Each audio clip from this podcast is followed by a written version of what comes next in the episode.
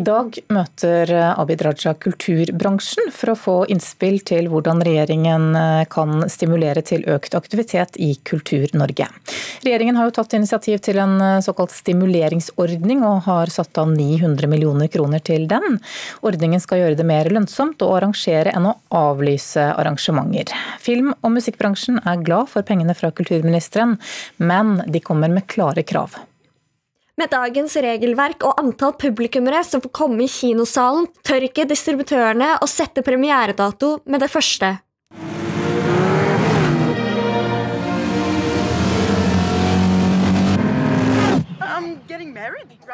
Sånn som med burning som kommer i slutten av september etter planen, så har jo rett og slett ikke Kino-Norge kapasitet til å håndtere så mange mennesker som har lyst til å se den filmen når den kommer. Eh, med dagens eh, praktisering av regelverket. Sier Jon Einar Sivertsen, kinosjef for Odeon. Kinoene er en av mange kulturaktører som har klare krav og forhåpninger til møtet med kulturministeren i dag. Han mener bl.a. at tolkningen av énmetersregelen får alvorlige konsekvenser for kinoene. Vi får jo kinopremierer som blir utsatt fordi at vi ikke har nok kapasitet, som henger sammen med at det nå må være to ledige seter mellom hver eh, ikke-familiegruppe. Mens eh, på veldig mange andre områder så definerer man det som ett ledig sete eller én meter. da. Tone Østerdal i Norske konsertarrangører sier det er en alvorlig begrensning at man i dag kun kan ha 200 publikummere under et arrangement. Og det er viktig for oss at, vi, at det ses på det nå, eh, og at man kan diskutere andre muligheter for å åpne opp igjen. F.eks. det å seksjonere spillesteder som har plass til det. Og slippe inn flere grupperinger med 200 f.eks. Abid Raja sier han ønsker å ha en best mulig dialog med partene og ser frem til møtet, men sier imidlertid at helsemyndighetenes anbefalinger må ligge til grunn for arrangementer. Sammen så skal vi jobbe for at den eh, nye stimuleringsordningen eh, skal bli til. Eh, og Det skal da deretter regjeringen ta stilling til etter at vi har tatt imot eh, alle innspillene. Men målet er jo å få opp aktiviteten i Kultur-Norge i tiden fremover. Stimuleringsordningen skal gjøre at arrangøren kan få kompensasjon for det antall billetter man vanligvis kunne solgt i en arena. Det er satt av 900 millioner kroner til ordningen, men Østerdal er spent på hvor langt pengebingen vil rekke. Altså 900 millioner høres jo mye ut. Vi kan jo ikke klage på å ha fått nesten en milliard kroner til feltet. Eh, for den neste perioden. Eh, men samtidig så er det mange store aktører der ute som skulle ha hatt eh, show og konserter på, for flere tusen publikummere. Så det er klart at hvis staten skal inn og, og gjøre opp mellomlegget mellom 200 og si 2000, så holder plutselig ikke de 900 millionene så veldig lenge allikevel, når du tenker på at dette er en ordning for hele kunst- og kulturfeltet. Reporter her, det var Hedder Ørbekk Eliassen. Lørdag ble MGP Junior arrangert for 18. gang. Det ble jo et litt annerledes show i år, da, fordi eh, pandemien gjorde at det ikke var noe publikum i salen. Men god stemning eh, var det likevel. Og av de åtte finalistene var det årets yngste deltaker som fikk flest stemmer.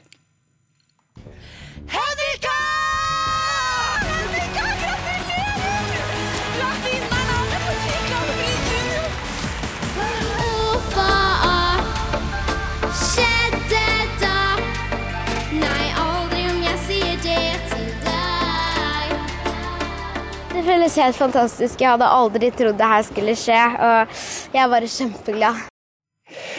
Det er så gøy. Ja, og Hennika Eggum Huse, dette her var lørdag kveld. Nå er du her. Gratulerer masse. Tusen takk. Du, hvordan blir det å komme på skolen i dag? Jeg tror det kommer til å bli veldig gøy å møte alle sammen og se reaksjonene deres. Var det sånn at alle visste at du skulle være med? Ja, alle visste at jeg skulle være med, ja.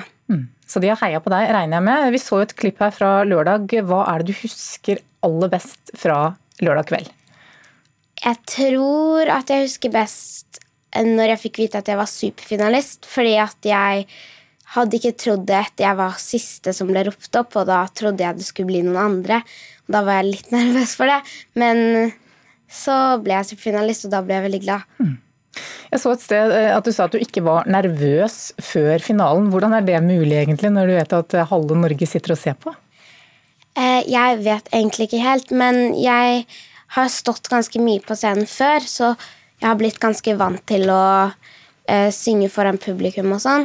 Og i tillegg var det jo ikke publikum i salen, så jeg tror da ble jeg litt mindre nervøs, og så Ja, jeg, det var derfor. Mm. Hva, ja, hva syns du om det egentlig, at, at det var tom sal?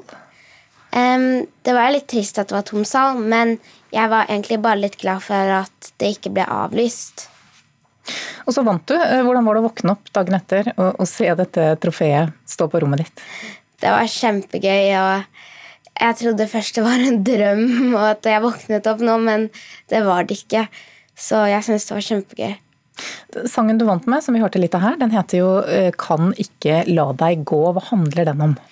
Den handler om at eh, man ikke får kontakt med noen. Noen man har lyst til å få kontakt med, og ikke får snakke med noen man har lyst til å snakke med. Er det en historie fra ditt eget liv? Eh, ja, det er det. Hvordan har du laget den, da? Eh, hvordan jeg lagde den, er jeg ikke helt sikker på. Jeg mm, tenkte på en historie som hadde skjedd med meg, for jeg hadde lyst til å skrive om noe som hadde skjedd med meg før. Og så kom jeg på den lille scenen som det hadde skjedd med meg, da. Og hadde jeg lyst til å skrive en sang om det, og så bare skrev jeg en sang. Hvorfor var det akkurat den som vant, tror du? Det var jo mange gode kandidater? Ja, akkurat det vet jeg faktisk ikke, men fordi alle var kjempeflinke, og alle fortjente et trofé, egentlig. Men vet ikke, kanskje mange likte sangen min. Mm. Hadde du en annen favoritt, altså i tillegg til egen sang? da? Eh, jeg likte egentlig alle sangene like godt. Mm. Hvor lenge har du jobbet da for å være med i MGP Junior? Du er elleve år, eh, så du har ikke hatt så mange år på deg? Nei um, Jeg har meldt meg på tre ganger, og så kom jeg med tredje gangen. Mm, og jeg tror ikke det tok så lang tid å skrive selve sangen, men å jobbe med melodien og spille inn låta og sånn, det tok jo ganske lang tid, da. Men hvordan, eh, hvordan lager du en sang? Begynner du med teksten, eller? Ja, jeg begynte med teksten. Og så eh, Man bare tenker litt, og så kommer man på litt tekst, og så etter hvert så kan man prøve å lage melodi til teksten sin. Og kan man, så kan man også skifte på litt ord og sånn hvis det ikke passer til melodien du har funnet. Og så er det mye øving? Ja, det er veldig mye øving. Du har også sagt at du drømmer om å bli musikalartist. Hvor mye øver du på sang og dans hver uke? Um, jeg øver to ganger i uka, eller det er bare én gang, men så øver jeg um, Eller jeg øver to ganger på én dag um, med dans og sang. Så jeg øver ikke sånn super, super mye, men jeg øver jo litt, da. Er det sånn at du anbefaler andre barn å være med på MGP junior? Ja, det gjør jeg. Det var noe av det beste jeg har opplevd. Det var kjempe, kjempegøy. Og det aller beste, bortsett fra selvfølgelig at du vant, hva var det? Å bli kjent med alle andre finalister og høre sangene deres og være sammen med dem hele tiden. Ok, Gratulerer igjen, Hennika Eggem Huset. Linn eh, Ullmann, datter av eh, Ingmar Bergman og Liv Ullmann, ga i 2015 ut romanen 'De urolige', som eh, mange husker kanskje. Den handler om hennes oppvekst, om farens aldring og død, og om å vokse opp med foreldre som aldri var i samme land. Og nå er romanen blitt teater ved Den nasjonale scenen i Bergen, og slik høres det ut. Føler meg gammel. Ting blir borte. Hvilke ting? Ord, minner. Du husker bedre enn meg. Tro det. Ja, hvilke ord er det som blir borte, da? For eksempel, jeg, jeg satt i bilen på fergen, og plutselig åpna himmelen seg, og regnet hølja ned. Og jeg satte på her hørte vi Gerald Pettersen som far, og Susann Bugge Kambestad som datter i forestillingen De urolige, altså som bygger på Linn Ullmanns roman med samme navn. Teaterkritiker Karen Frøsland Isdal, hvilket ord var det han lette etter her?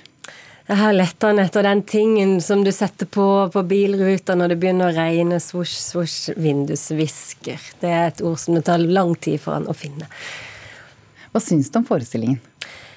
Um, jeg liker romanen veldig godt, og jeg opplever at denne forestillinga ikke helt er i balanse. Altså Romanen er for meg en bemerkelsesverdig minnebok. Den er full av store følelser, men um, som presenteres på en nøktern og samtidig veldig inderlig måte. Og akkurat det syns ikke jeg forestillinga helt har klart å ta opp i seg. Altså den, den, bygger på en sånn Den har en sånn rød tråd av fortvilelse fra dattera si side. Eh, men grunnlaget for hennes fortvilelse etableres ikke godt nok i starten av stykket, sånn som jeg opplever det. Og da blir det ganske tungt, og eh, tungt materiale å arbeide med videre. Det uttrykkes så sterkt og så, og så, fullt av innlevelse på scenen hele tida. Men når vi ikke helt liksom er med på at fortvilelsen skal være så stor fra starten av, så er det, syns jeg, litt tungt da, med alle de emosjonene som kommer. Eh, og når replikkene samtidig er veldig litterære, de er henta rett ut fra boka, så, så stemmer ikke alltid dette her helt sammen for meg. Men I anmeldelsen din på nrk.no så skryter du av eh, scenografien. Ja. Fortell om den. Ja, den er gjort av Jenny André. Det er litt som å være på hytta.